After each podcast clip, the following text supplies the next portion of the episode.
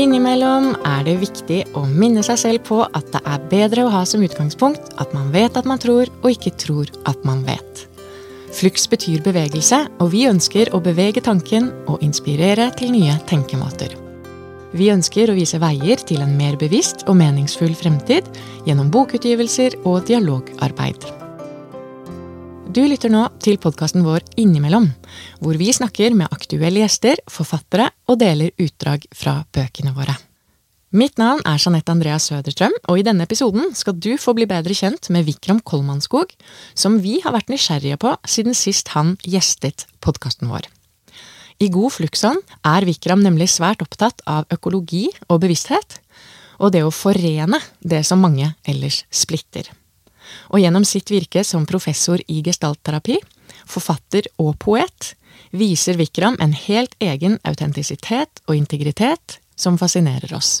Vi ville rett og slett bli bedre kjent med Vikram som person, og lære mer om hva som driver han. Men det vi ikke visste da vi inviterte han tilbake, var at han nettopp hadde utgitt en diktbok.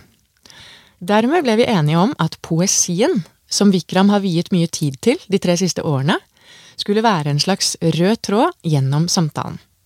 Og at vi ellers bare skulle la det som ville komme frem, komme frem. Resultatet ble en episode som jeg vil tillate meg å kalle en varm klem fra Vikram og oss i Flux til deg, hvor vi er innom temaer som oppmerksomhet, sansing, gjemsel, gestaltterapi, økologi, hagen til Vikram, tilhørighet, ord, tantra, meditasjon og lek og hvordan absolutt alt henger sammen.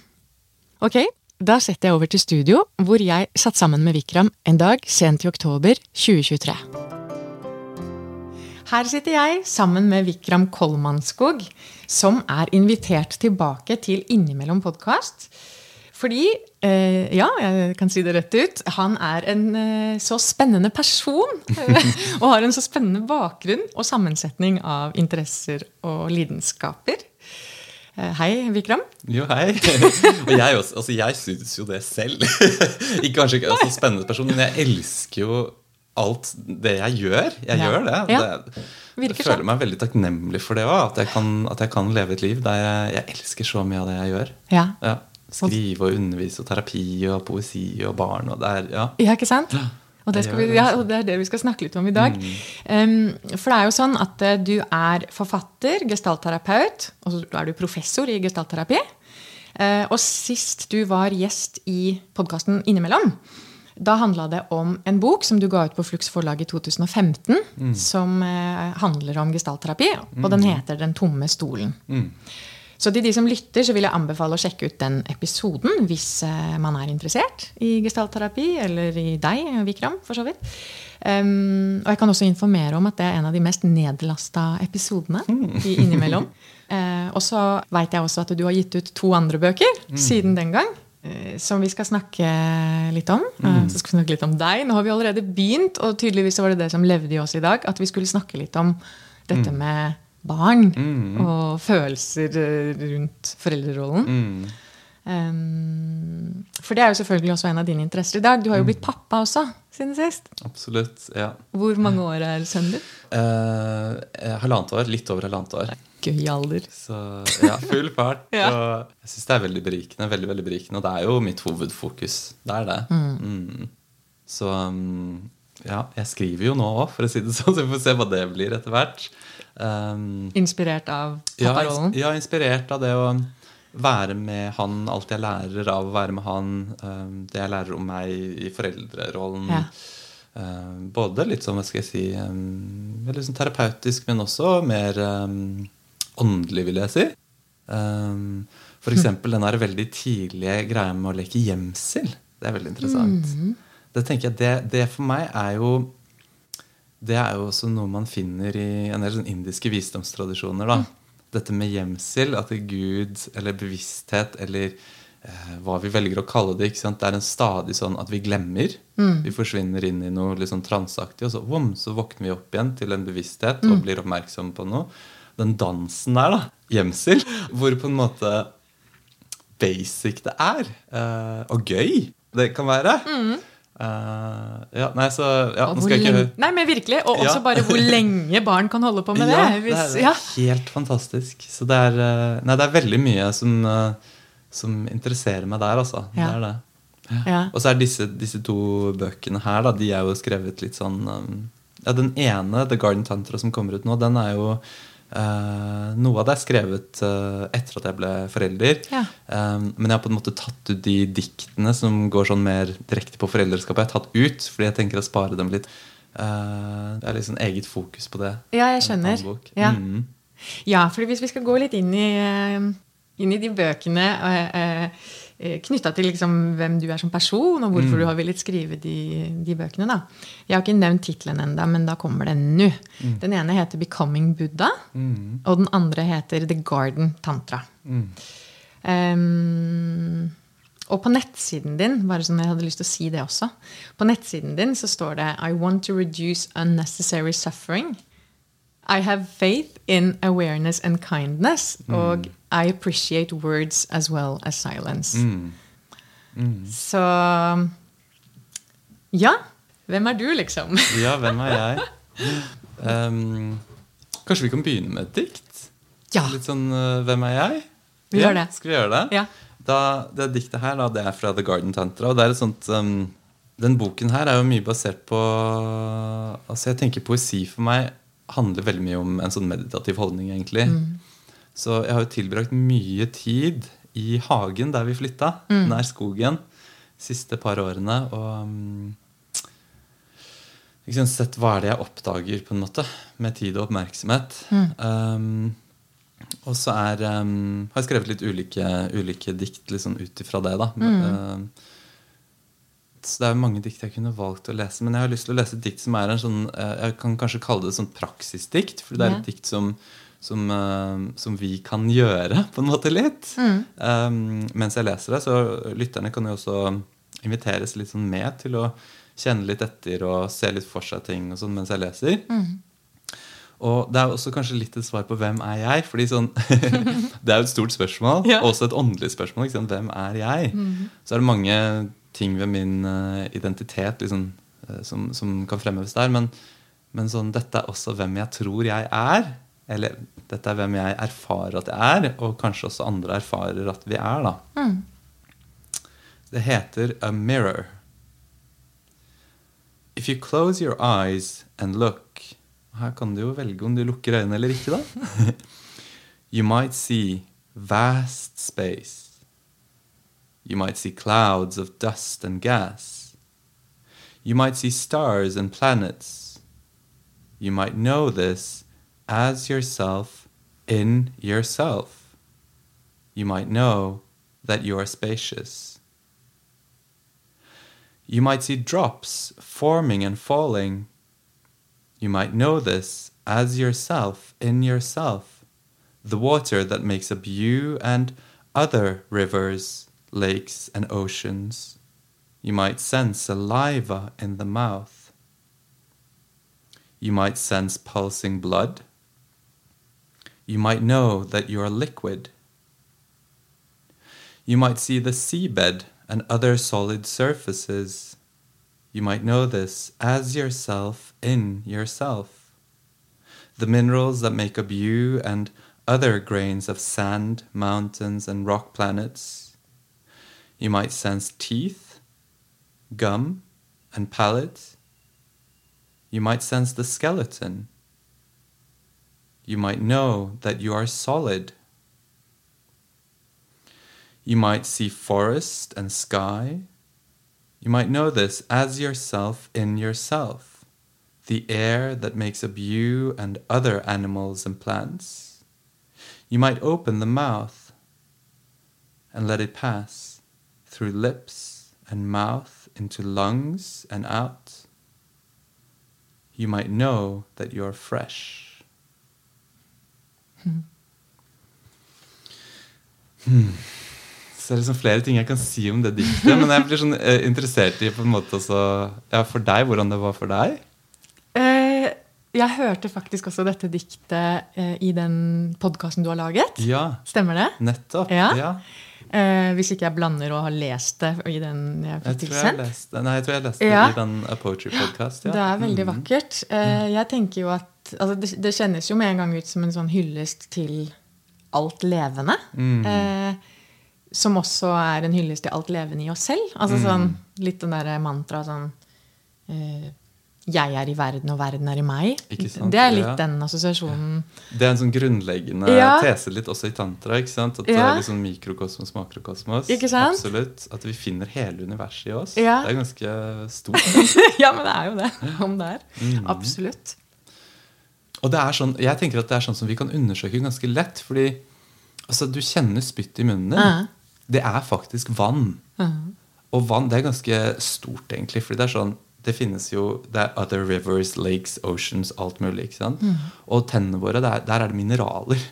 Akkurat som, Og når du sier levende, ja. Mm. Men da må vi utvide definisjonen på levende, fordi det er også andre fjell og steiner og rock planets, liksom. Mm-hmm. Altså, vi er, vi, er, vi er beslektet med absolutt alt. Mm. Absolutt alt. Jeg syns det er så stort. Og ja, litt sånn eh, Det er det vi er. Ja. Det er det vi er, da. Og så, og så går vi rundt noen ganger, og, og det også tenker jeg er en sånn fantastisk ting for en del tantriske tradisjoner. Det å våkne litt opp fra den, den illusjonen om at vi er så små og på en måte nevrotiske og feil. Det er sånn Vi er utrolig mye. vi er liksom beslektet med andre fjell. Og så- og så det jeg også liker i det diktet, er at jeg sier 'og andre', heller enn heller enn på en måte um, Ja, at det er ikke stor forskjell da, mellom også et fjell eh, og også en, en elv. At det er, eh, vi er også beslektet der. Eh, ja, det, er liksom, det, er, det, er, det er noe med de splittene vi lager så ofte. Vi kan stadig på en måte mm, hele liksom de splittene. Det er sånn, jeg tenker I økende grad nå så, um, så vi, har blitt opptatt av menneskerettigheter for eksempel, mer og mer. ikke sant? Og heldigvis i økende grad opptatt av, av dyrevern og dyrerettigheter. Kjempebra, tenker jeg. sånn, det er jo egentlig helt åpenbart når vi ser på uh, veldig mange andre dyr, så er det sånn Ok, to øyne som meg. En nese som meg. En munn som meg. Et hjerte som Et meg. blod, Følelser ja, ja. som meg. Altså, jeg har hatt noen utrolig vakre møter med ulike andre dyr. da. Ikke måten vi snakker på, snakker vi fremdeles om mennesker og dyr. Det er sånn, men det er mennesker og andre dyr. Jeg vet det. Og, Ja, og det samme vil jeg si da om mennesker og andre fjell. Og andre elver. Fordi vi, vi, altså, vi har liksom Du utvider den, eh, u, u, ut, ja, den forståelsen der, da. Ja, Eh, For det ene er jo akkurat det du er inne på med at noen har jo til og med bare glemt helt at vi eh, er dyr. Mhm. Ikke sant? Tenker jo ikke på at vi er pattedyr, rett og slett. og at det jo selvfølgelig er helt bevist at vi deler DNA med alle eh, skapninger, da. Mhm. Eh, men du utvider det til fjell og elver og ikke sant? Ja. Alt det er her. Altså, vi er jo, Er det 70% vann eller noe? Ja. Det er ikke noe rart at jeg har et annet dikt her som uh... Ja, sier jeg. Jeg er ikke helt sikker. jeg, Ja, nei. altså, men, ja, det er noe sånt jeg har hørt. noe sånt ja. Men det vi i hvert fall kan teste ut sånn helt sånn erfaringsmessig, er at vi kjenner spytt i munnen. Ikke? Vi kjenner det. Og vi vet at vi drikker vann, og vann kommer ut når vi tisser. Og, altså det, er sånn, det, det vet vi, det kjenner vi jo. Så, og så har jeg et annet dikt der som handler litt om det der um, Det å drikke. Drikke vann. Eh, og at det er kanskje ikke så rart at, um, at det liksom det er hjemmet vårt. på en Ja. måte. Der vi, vi kommer faktisk fra vannet. Livlig. Eh, Ja, ikke sant? ja. Det er noe med det òg, da. At vi kommer fra vannet. Vi kommer fra vannet, og, og, og, og det er der eh, Altså, vi er vann. Ikke sant? Vi lager så mange sånne splitter, men vi er i veldig stor grad så er vi vann, da. Um, jeg er liksom opptatt av det også i en sånn økologisk forstand. at vi, En ting er å kultivere relasjoner til alt annet som fins. Men en annen måte å forstå og tilnærme seg dette på, er å virkelig se med en sånn klarhet at det, vi trenger ikke å splitte av så mye. Eh, vi kan snakke om en sånn respekt for, for innsjøene, for havene, for elvene. er Kjempeviktig. Og vi kan også se at dette er ikke noe annet enn meg. Dette er meg da, i en sånn utvidet forstand. Dette er eh, Jeg kunne ikke eksistert. Hele universet må til for at akkurat denne kroppen, sinnet, hjertet skal eksistere, så kreves absolutt alt i universet. Mm. det er jo helt sånn wow. Mm. Um. Hvordan opplever du at du kan snakke på den måten med mange? Liksom om, om, det på den måten? For det er jo, jeg vil jo Det er min påstand, men jeg vil jo tenke at mange mennesker eh, for det første syns at det her er veldig, en veldig åndelig liksom, tilnærmelse mm. til verden. Eh, og så tror jeg kanskje for noen er det rett og slett fremmed. Mm. Eh, men det er en påstand ikke sant? eller en mm. antakelse jeg gjør meg. Men mm. hvordan er det for deg, da? Ja, altså Nå kjenner jeg fremdeles spytt i munnen når vi snakker om det. og det er noe med den der, Det jeg også er veldig opptatt av, da, som er, er mye min sånn tilnærming, er det vi helt sånn erf kan erfare. ikke sant? Mm. Altså jeg tenker Vi kan alle erfare at vi har spytt i munnen. At det er vann. Det er mm. vann. Det er ikke noe å lure på. Vi kan ha argumenter om liksom Hva er jeg? Er jeg ditt? Er jeg datt? Men det er sånn, veldig sånn tankebasert. Men sånn, mm. la oss bare kjenne litt etter. da. Mm. Jo, der er det vann.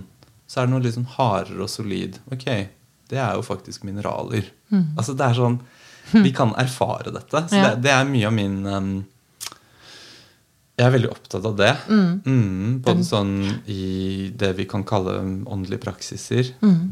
Men ikke sant, åndelig også er et sånt ord som for meg egentlig blir for lite. faktisk. Yeah. Fordi, fordi, jeg er jo, altså min åndelighet er en veldig sånn materiell og sanselig åndelighet òg. Det er ikke noe annet enn alt det som er her. Um, så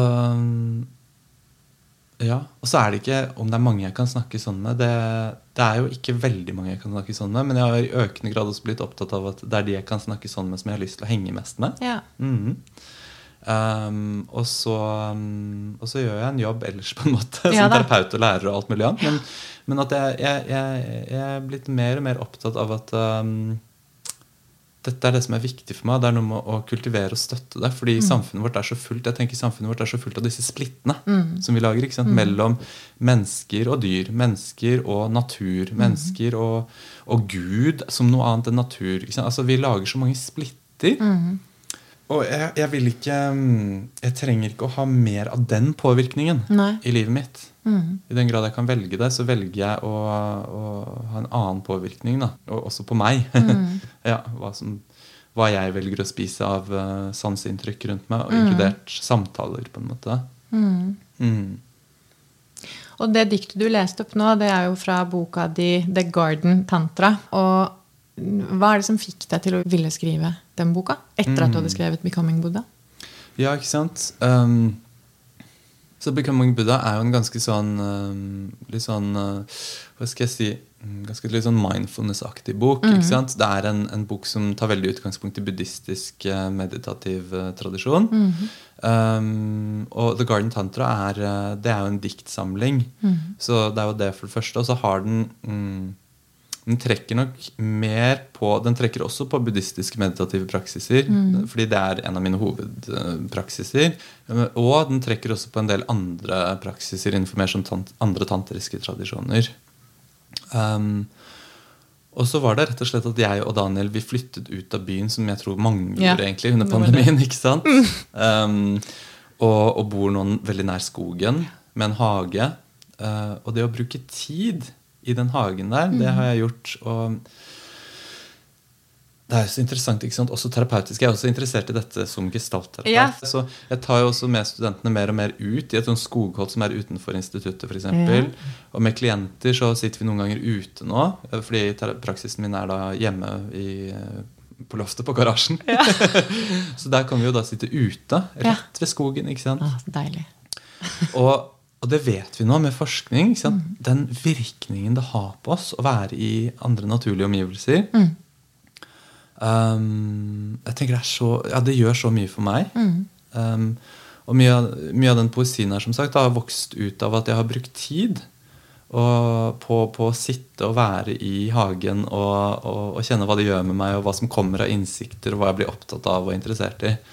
Um, og jeg husker også på et tidspunkt da jeg holdt på med dette her, eh, da var det litt sånn en, en sånn uh, litt rutine jeg hadde på morgenen, som var å liksom lage meg svart kaffe. Og jeg liker veldig godt kaffe. da, sånn mm. Indisk kaffe, Royal Malabar fra Kaffebrenneriet. den er veldig sånn sterk. Sånn ja, veldig sterk. Ja. Sånn, jeg tror definisjonen av den er sånn kjære tobakk og ja.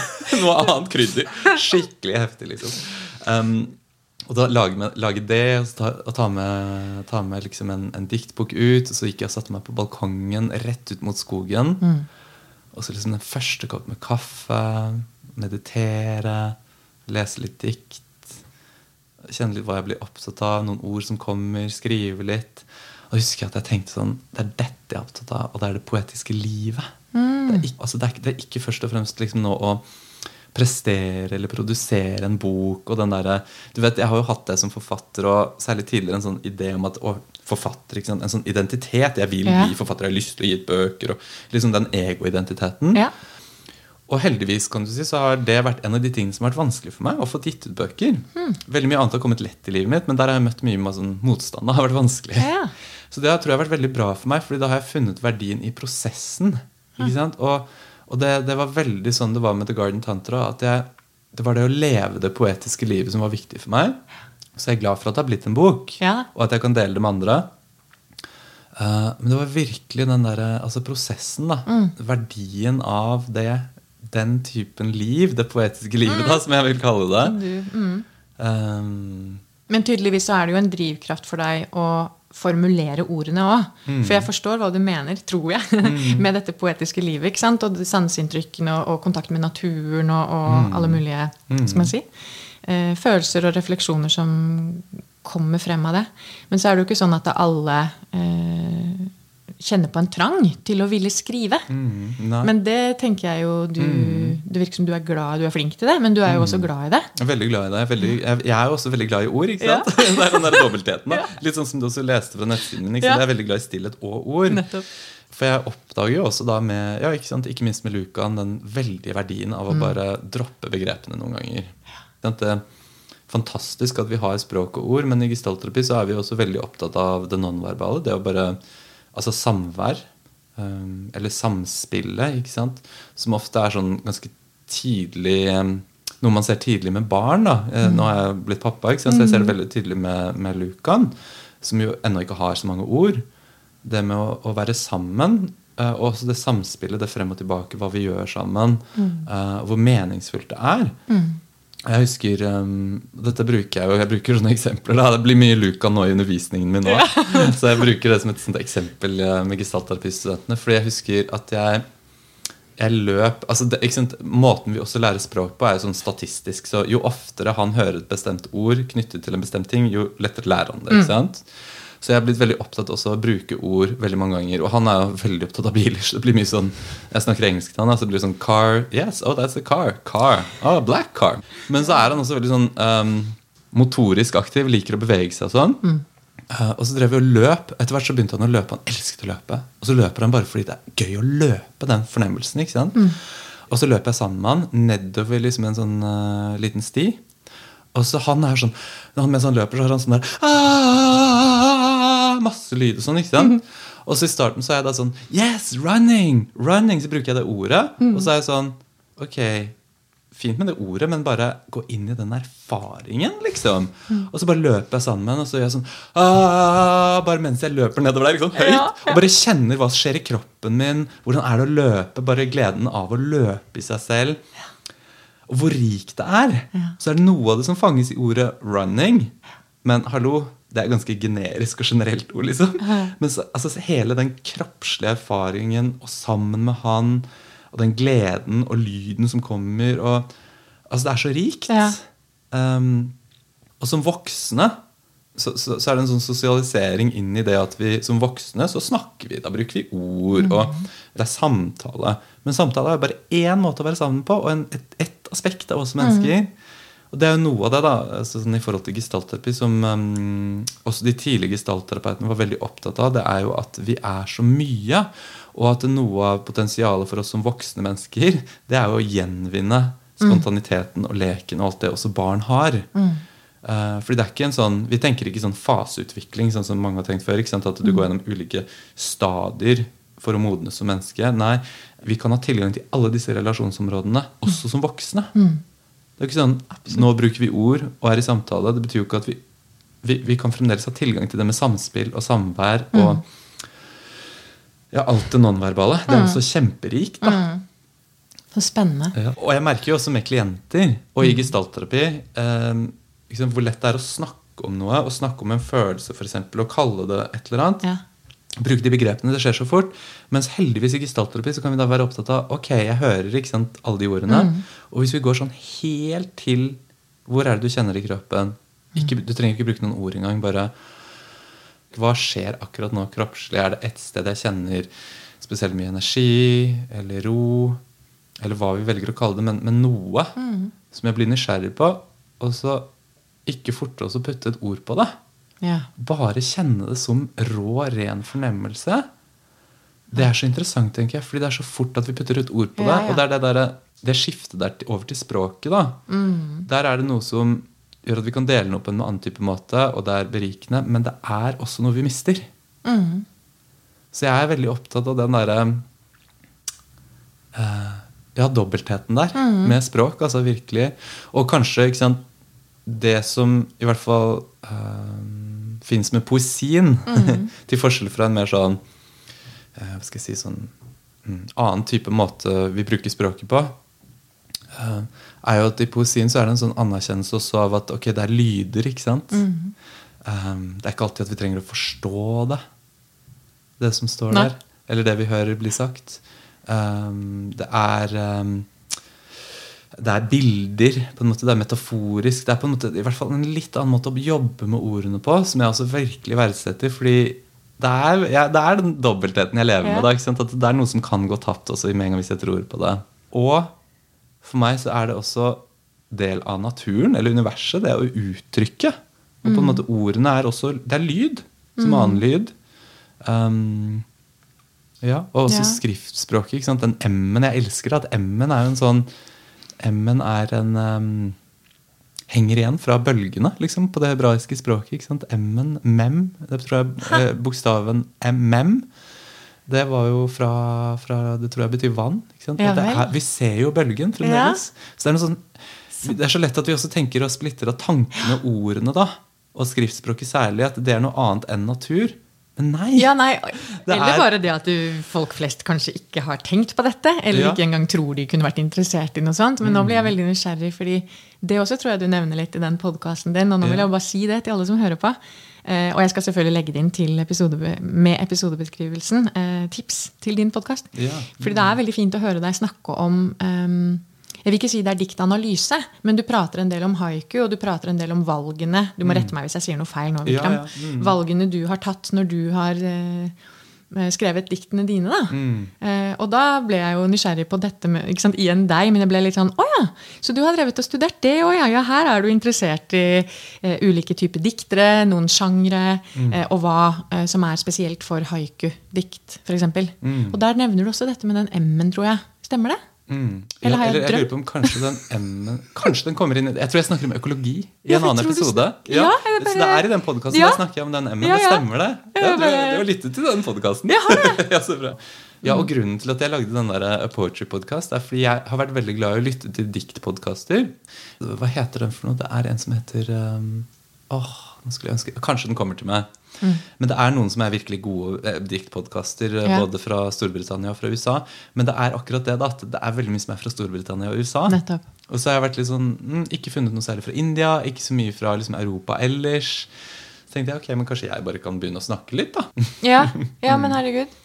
Det, ja. oh, The Poetry Exchange. Den vil jeg anbefale. altså. Ja. Det tror jeg kanskje mange av Flux sine lyttere også ville like. fordi det er at det er eh, noen som tar med seg et dikt Ja. som har vært en venn for dem. ja, ja.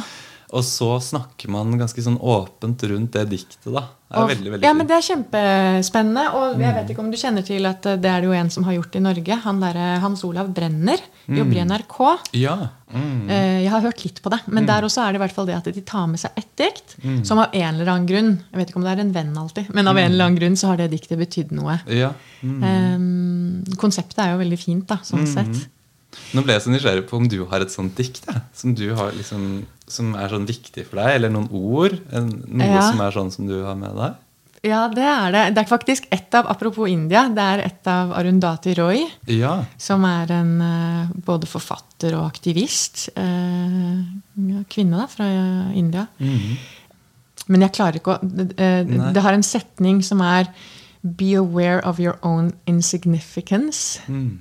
Um, men um, for meg er det diktet åndelig. Det handler også mye om dette med uh, en litt sånn groundedness. Uh, mm. Men at vi er Ja, vi er innom det igjen. vi er i alt, og alt er i oss. Um, også historisk. Mm. Og at vi må liksom vokte oss vel for å ikke ta det vi har, da, for gitt. Mm. Eh, men også nå ja, Skulle jo nesten ha funnet det opp sånn at vi kunne ha lest det. For jeg, mm. det, jeg bare husker, jeg kommer aldri til å glemme første gang jeg leste det. Det var jo i starten av 20-årene. Mm. Um, men jeg har også eh, noen norske. Jeg liker jo flere norske diktere, faktisk. Jeg syns vi er ganske flinke. Ja. Mm. Mm.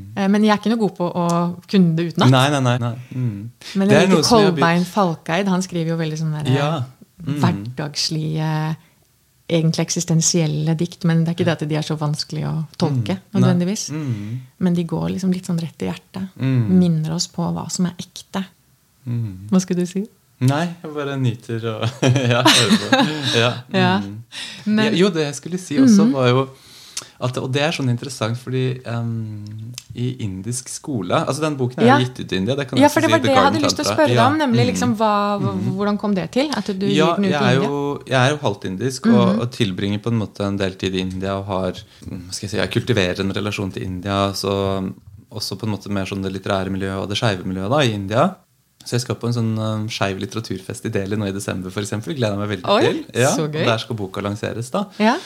Så uh, ja, så den er gitt ut på et forlag som fokuserer på dikt i India. Mm. Veldig kult. Red River. Um, så der er det mye, mye annet spennende også. Ja. Um, ja, så jeg føler meg, ikke sant, det er det, Hvor er det egentlig jeg tilhører? Det har vært ja. litt av min sånn Hvem er jeg? Uh, Fra du var ung, mener du? Ja. Mm. Og stadig, på en måte. Fordi ja. ikke helt norsk, ikke helt indisk, blir ikke helt akseptert helt kanskje noen steder helt. Nå har jo mm. Norge forandret seg veldig mye, da. Og Oslo-området veldig mye. Ja. Um, men jeg har vært litt sånn, hvor er det jeg tilhører? Flux, da, kan jeg jo si. Det, jo, det føler jeg er et av hjemmene mine. Ikke sant? Å kunne gi ut en bok på Flux, og, og det Flux står for, og sånn, det føler jeg jo, det tilhører jeg. Og så mer og mer denne hagen. Mm. The Garden Tantra. Og det begynner jo, det er jo et dikt som heter The Garden Tantra. Det er liksom titteldiktet. Da snakker jeg litt om det at moren min sant, har alltid følt seg litt sånn rotløs. Det er hun som er, Og hun ville aldri kalt seg indisk. Fordi hun er født i Kenya av indiske ja. foreldre, men bare vært i India én gang selv. Mm. Så hun har en sånn opplevelse av rotløshet og hjemløshet. Um, men sant, er veldig opptatt av planter og alltid ja. hatt en hage. Og, og, nå er det noen av de plantene Jeg har en frangipani, jeg vet ikke om det heter det på norsk, jeg, som, som, jeg har fått et skudd av, som jeg har hjemme ja. hos meg. Og Det var et sånt tre og en plante som hun hadde som favoritt, og bestefaren min, hennes far, hadde som favoritt. Ja. Som fantes i Kenya. Og som hun da har noe i Spania, der hun bor, og jeg har der. Så det er noe med det derre Hva er et hjem? Så liksom den, denne hagen da, hvor, hvor, jeg nå har vært over tid, der skapes det jo et hjem, på en måte. Mm. Og så er det noe som går utover akkurat det lokale stedet der òg. Men jeg kjenner at den uh, Når jeg er der, i den hagen, så er jeg ikke først og fremst en eller annen seksuell identitet eller en eller annen um, etnisitet. Mm. Kanskje ikke engang menneske eller ikke-menneske. egentlig. Ikke Når jeg er i den hagen, så er det på en måte Da kommer jeg i kontakt med noe annet og noe mer. Er litt sånn mm. som det diktet. Ja. Sånn A Mirror igjen. Hva, hva, skjer der, og hva er opplevelsen av hjem og tilhørighet der når jeg kan være sånn over tid eh, i de naturlige omgivelsene ja. der? Det, um, det som kommer opp i meg, er litt det her med en sånn der vidunderlig følelse som man kan kjenne på. Mm. Og det kan vi gjøre på ulike måter, vi mennesker. Mm. Men en sånn følelse av å bare føle seg hjemme, mm. som jeg absolutt kan se for meg at man kan gjøre i eh, selvfølgelig natur generelt, men også mm. i en hage. Mm. Man kommer rett og slett i kontakt med noe som er større enn seg selv, mm. og som mm. gjør at man kanskje også bare glemmer seg selv litt. da. Mm. Ergo betyr ikke de identitetsmarkørene så mye. Mm. Um, og iblant så skjer jo det i møte med andre mennesker òg. Man bare får en sånn ja. deilig følelse av at man ja. ikke sant? Mm. Og det er interessant det der med de identitetsmarkørene. for jeg tenker sånn Selvfølgelig er det noe veldig deilig for meg å være blant andre skeive mennesker. Ja, ikke sant? Og også andre mennesker som kanskje har en um, altså mixed rage heritage, altså er blandet på en måte i forhold til etnisitet. Mm. Det er noe vi deler. Ja. Og hva skal jeg si for noe? Det holder ikke. det er det som er interessant. da, Dette med identitet. Jeg tenker hvem er jeg? Jo, jeg er de tingene, men det er, det er egentlig Det er på en måte den liksom historiske, relative biten, og det er viktig på mange måter i samfunnet fordi vi forholder oss så mye til det. Men så er det også så utrolig mye mer. Så den følelsen av hjem i skogen for meg, eller i, i den hagen, det er likevel en annen opplevelse. Og så kan det absolutt være en sånn opplevelse med andre mennesker men da handler det ikke bare om de identitetsmarkørene. Da går det på mer enn det. Um, ja. Nå, nå? Det er litt sånn uten ord for meg, kjenner jeg òg. Det er eh, noe forbi de historiefortellingene om hvem vi er. Mm. Så, Skape gode bilder i hodet, så jeg tror man ja. Jo, det er en ting som jeg kom på i stad som jeg ville si om indisk skole. Ja. Fordi jeg har jo da en del venner i India, og de ikke sant? I skolegangen, mange skoler i hvert fall i India, så er det ganske sånn gammeldags skolegang fremdeles. Så der pugger man. Man Ja. pugger dikt utenat og sånn. Eh, folk, de, altså Vennene mine kan jo hele sånne Shakespeare-monologer og sånn Ja. utenat. Det er jo helt wow. ikke sant? Ja. Sånt gjør jo ikke vi lenger. uh, og så er det noe som jeg merker at har gått tapt med det. Ja. Fordi det, altså, Nå i siste så har jeg begynt å da pugge noen dikt utenat. Fordi det er noe med å liksom, Da kjenner jeg de diktene som jeg virkelig liker. da Og så er det Ok, Pugger man bare med hodet på en måte for å spytte det ut igjen? Ja. Eller, eller, eller liksom er det sånn at jeg virkelig gjentar det mange ganger og gjør det til del av kroppen min? Ja. nesten? Jeg kjenner de lydene, hvordan det beveger seg meg. Jeg ser det for meg. Det internaliseres på en helt annen måte. Ja. Jeg syns det er så interessant. så Det har jeg gjort liksom både med andres dikt og også med noen av mine dikt. Liksom, å kunne de utenat. Mm. Hva skjer da, liksom, med meg? Har du et sånt dikt på tunga som du, som Ja, du har blitt veldig glad i? Eller som betyr noe for deg? Ja, skal vi se. Det er et dikt um, Det er av en ja, så Apropos tantra. Så det er av en, um, en som levde i Kashmir. Og Det er også interessant da i dagens verden. ikke sant? Fordi Kashmir sånn historisk sett var et veldig mangfoldig sted. Ja. Hvor det var veldig mye dialog da, og, og, og sånn synkretisme, som man kaller det. Altså, hvor hindutradisjoner lånte eller ble inspirert av uh, muslimske sufitradisjoner, og sufitradisjoner ble veldig inspirert av, av uh, mer hindutradisjoner, og skillene var veldig blurry ofte. Um, og da er det en som heter eh, ja, Hun kalles litt forskjellig, men Lal Ded. eh, kvinne også. Mm. som var en eh, mystiker og brøt med veldig mange konvensjoner. ikke sant? Um, eh, og hun, hun regnes som en tantriker, da. Men igjen, mange ulike tradisjoner har spilt inn der. Og, og hun respekteres av både muslimer og hinduer. Mm. så et dikt som er av henne, i engelsk oversettelse, går sånn cirka sånn ehm, Skal vi se om, jeg, om det kommer til meg her nå. nå følte jeg plutselig litt sånn prestasjonsangst. Litt sånn gammel skolegang. Så der, og da må jeg kunne det utenat! Nå, nå er du rett tilbake inn. Var ikke det litt kjekt? Ja. Bare, Den testen her nå. Skal vi se her. Altså, det er um, um... Nå Tror jeg ikke jeg får det til. Kanskje jeg bare skal finne det nå? Ja, kan jeg gjøre gjør det? Det. Jeg måtte jo- ja, ja. Ja. Men, eh, ja, nei, men jeg kjenner meg så igjen i det der. Og jeg vet ikke hvorfor ikke jeg klarer å memorisere nå, så godt. nå, nå har jeg den her. er her. Skal vi se om jeg kan, nå, nå kan jeg det litt utenat.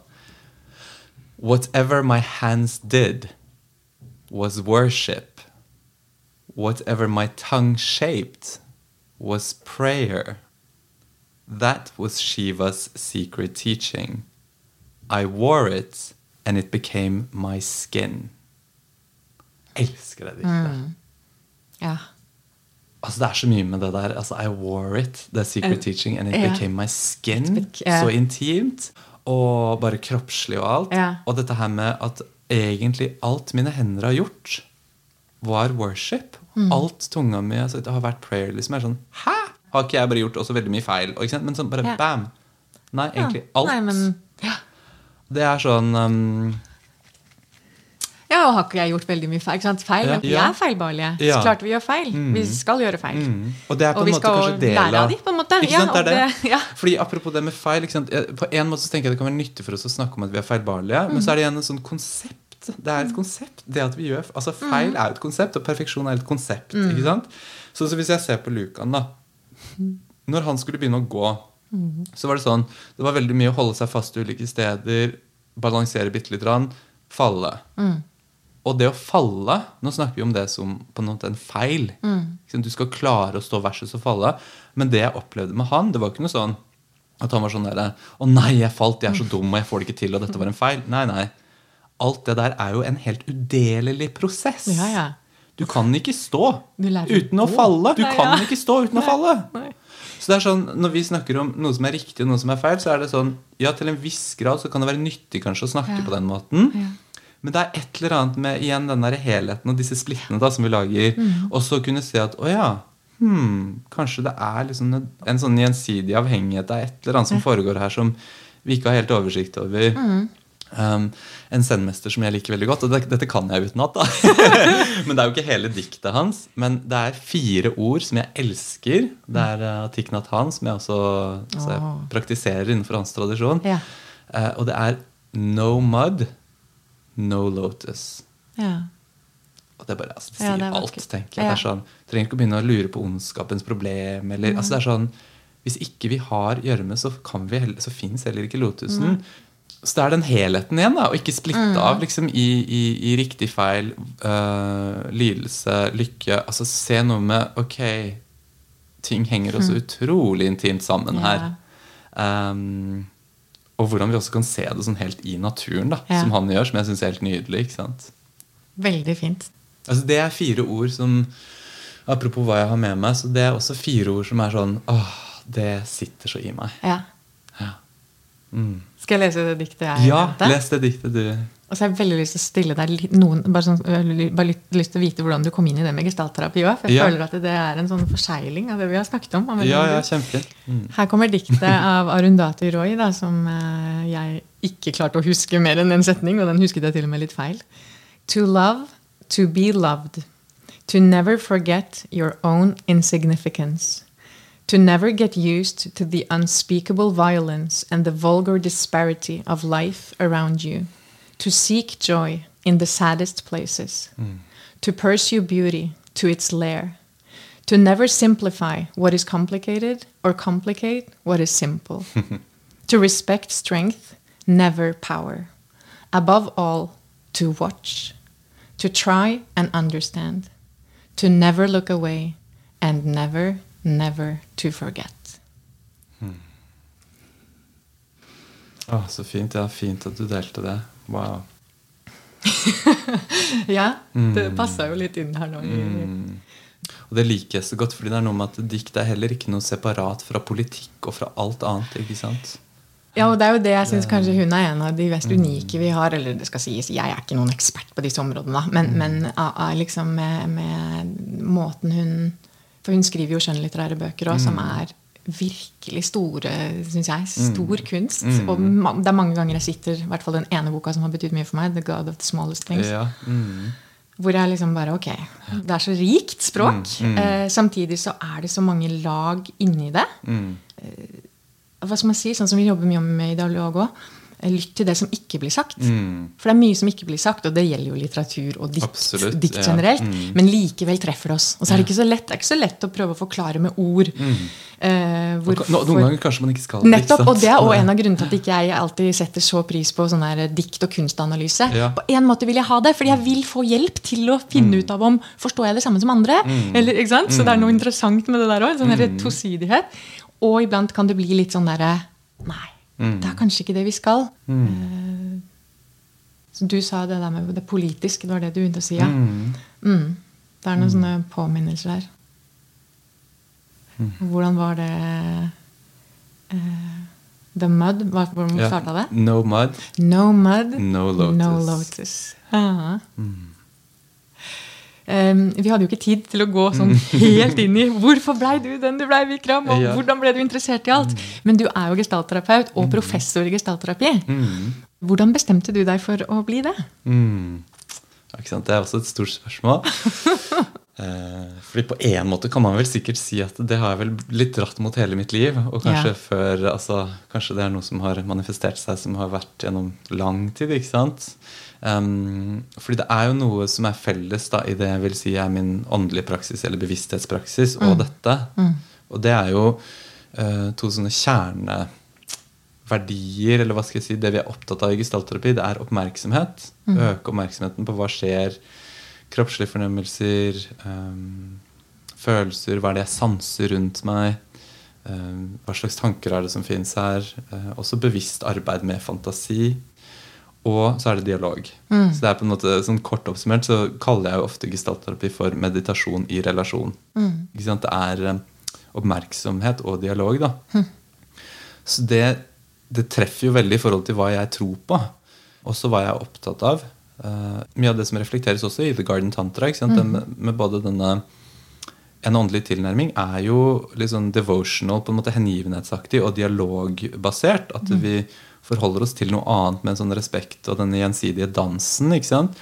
En annen tilnærming er jo å kunne se alt i oss selv, eller som oss selv. Jeg liker begge deler. da. Ja. Den, hva skal jeg si, den dualistiske eller dialogiske og den ikke-dualistiske. Jeg liker begge. Ja. Så det er veldig mye gestaltterapi som, som passer med mitt eh, Jeg passer med hele meg, på en Ja, ja, ja, skjønner. mm, hva jeg erfarer, og hva jeg tror på.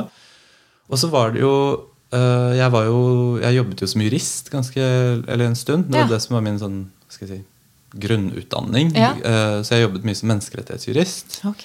Um, og det er også noe som jeg setter pris på inn i gestaltterapi som, som fag, fordi det er en anerkjennelse av at vi er del av situasjoner. Og situasjoners kraft, og hvordan de er med på Ja, at, at vi anerkjenner det. Og, og det er på en måte, da jeg føler at jeg kunne bringe med meg noe av menneskerettighetsfokuset inn. da, ikke sant? Så, så jeg har gjort mye arbeid ikke sant, med bl.a. transpersoner i Norge. Mm. jeg er nå opptatt veldig av den økologiske krisen og, og terapi.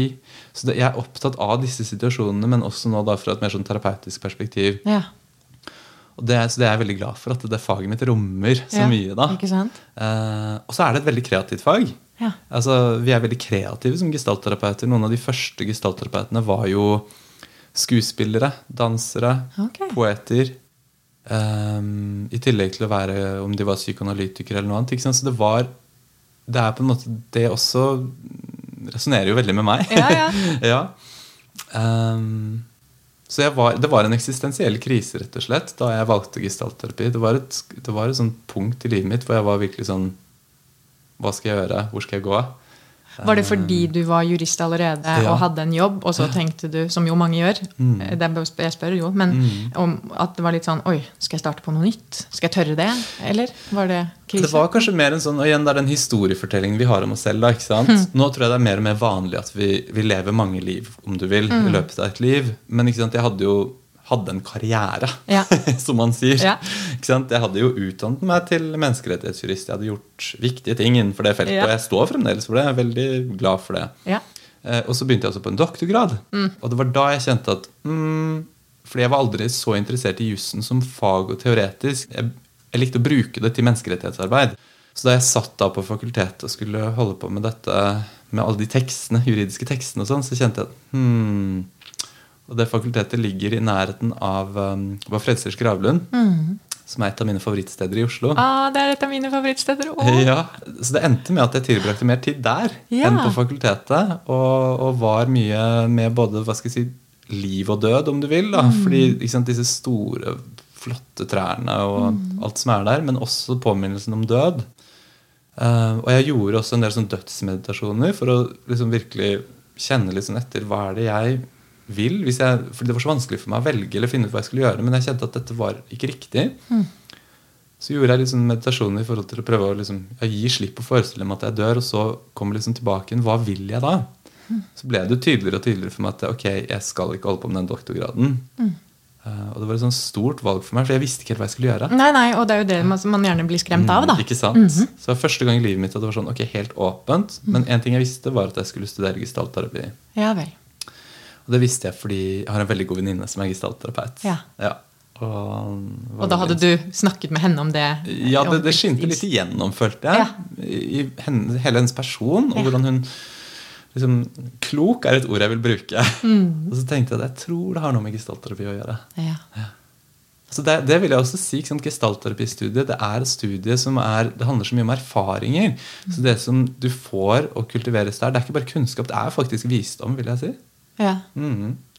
Fordi det er noe med å, å gjøre erfaringer og kjenne det og, og på en måte vokse gjennom det. Ikke bare en sånn teoretisk kunnskap som man kan lese. da.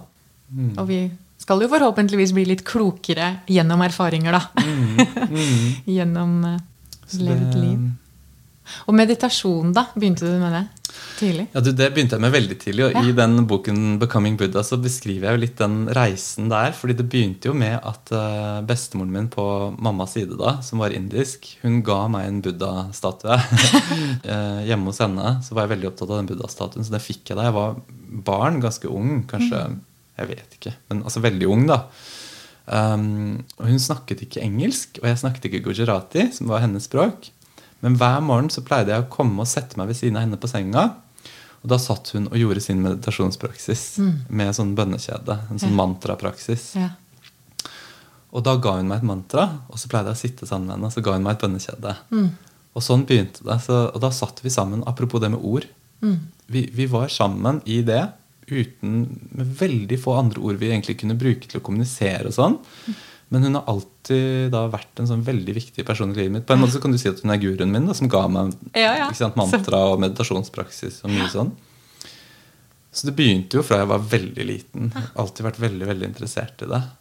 Så det og den buddha-statuen har jeg da fremdeles. Så det er på en måte det som er Det er liksom noe av den historien jeg beskriver kanskje litt i den 'Becoming Buddha'. Eh, mm. Og så har det vært ulike praksiser. Ikke sant? Det har vært mer eh, fra den buddhistiske tradisjonen, men også da mer eh, fra som sagt, andre tantriske tradisjoner med mer sånn hindu-tantra.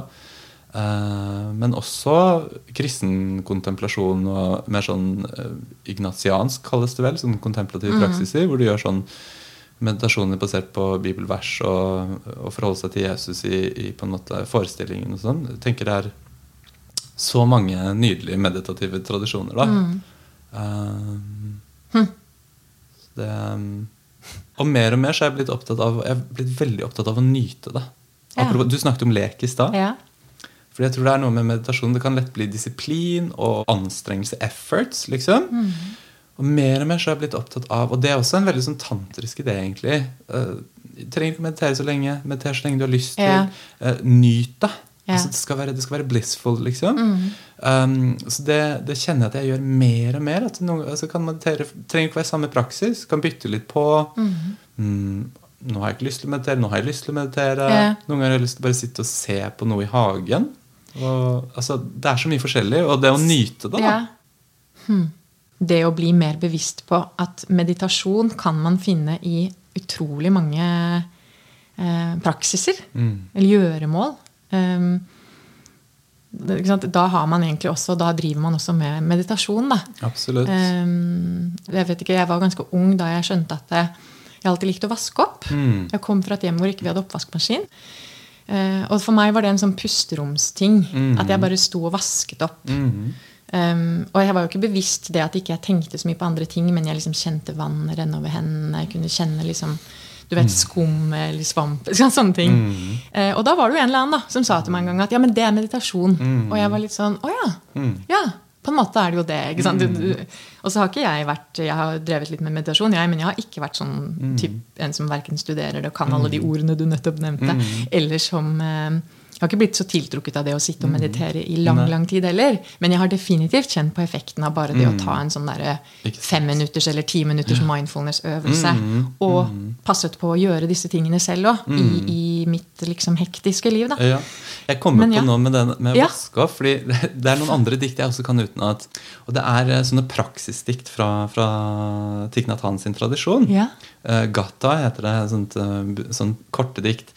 Og da er det ett for det å vaske opp. Og det diktet har jeg ved, ved, ved vasken vår. Er det sant? Ja, Sånn at jeg minner meg på det. Så det, er, og det går sånn Washing the dishes is like bathing a baby Buddha. The profane is the sacred. Everyday mind is Buddha mind. ja. Der har du det. Mm. Gud, det Fordi må jeg printe ut og henge sant? på Ja. vasken. For det er noe med at vi tror Jeg tror det er en av disse splittene vi lager da.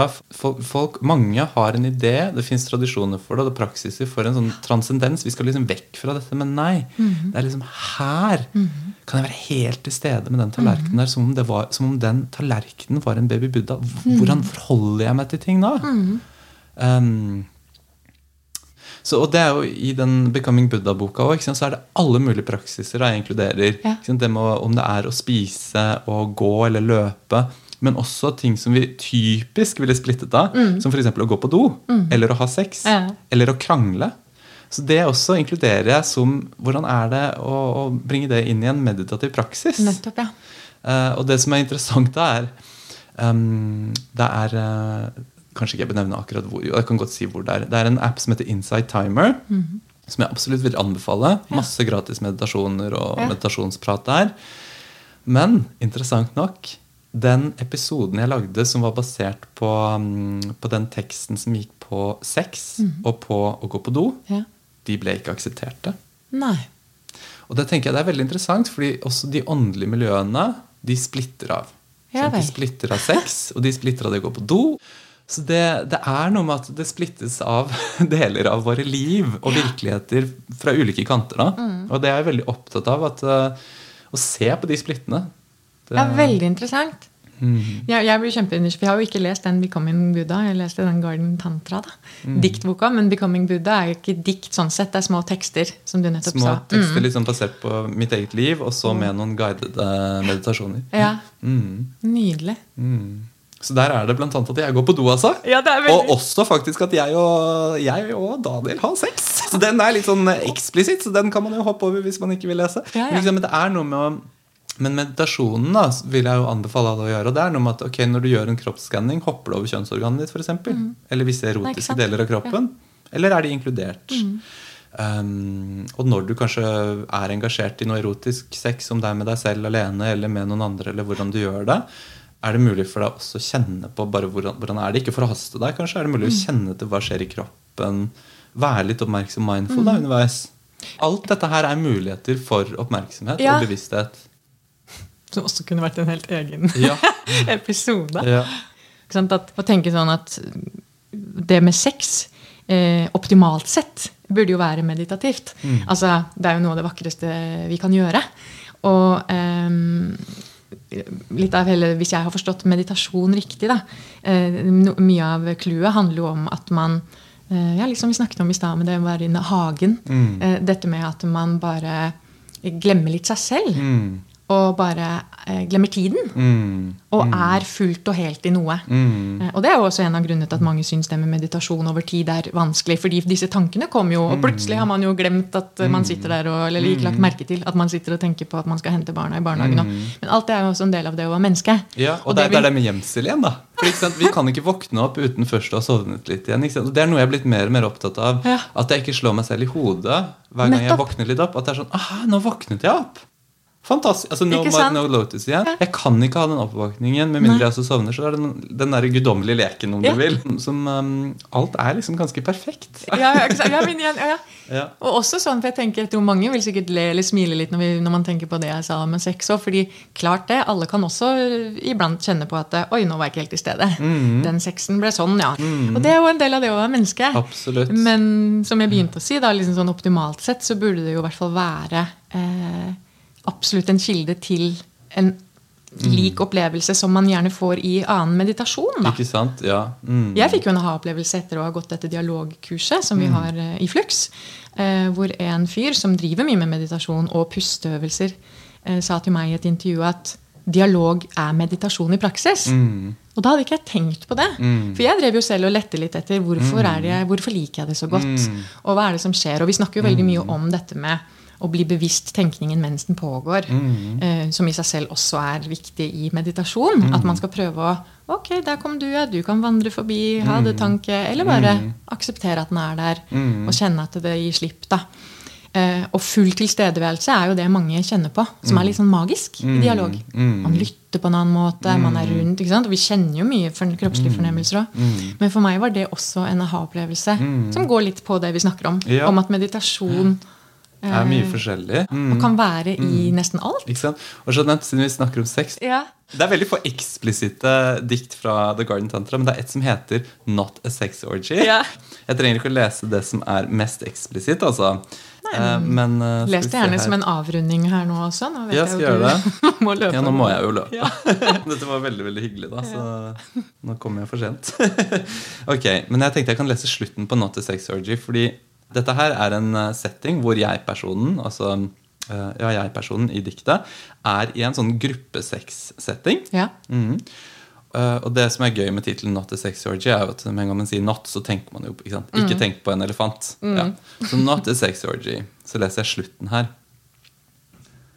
And my thin legs and his fat belly and all the rest Apropos hva vi tenker på som feil ved oss og andre. og alt det der, ikke sant, og dømmer. Jeg tar den en gang til. And my thin legs and his fat belly and all the rest are also covered in love as others ask, May I? And wait respectfully a few cycles of breath, for no, maybe later, or yes. Hmm.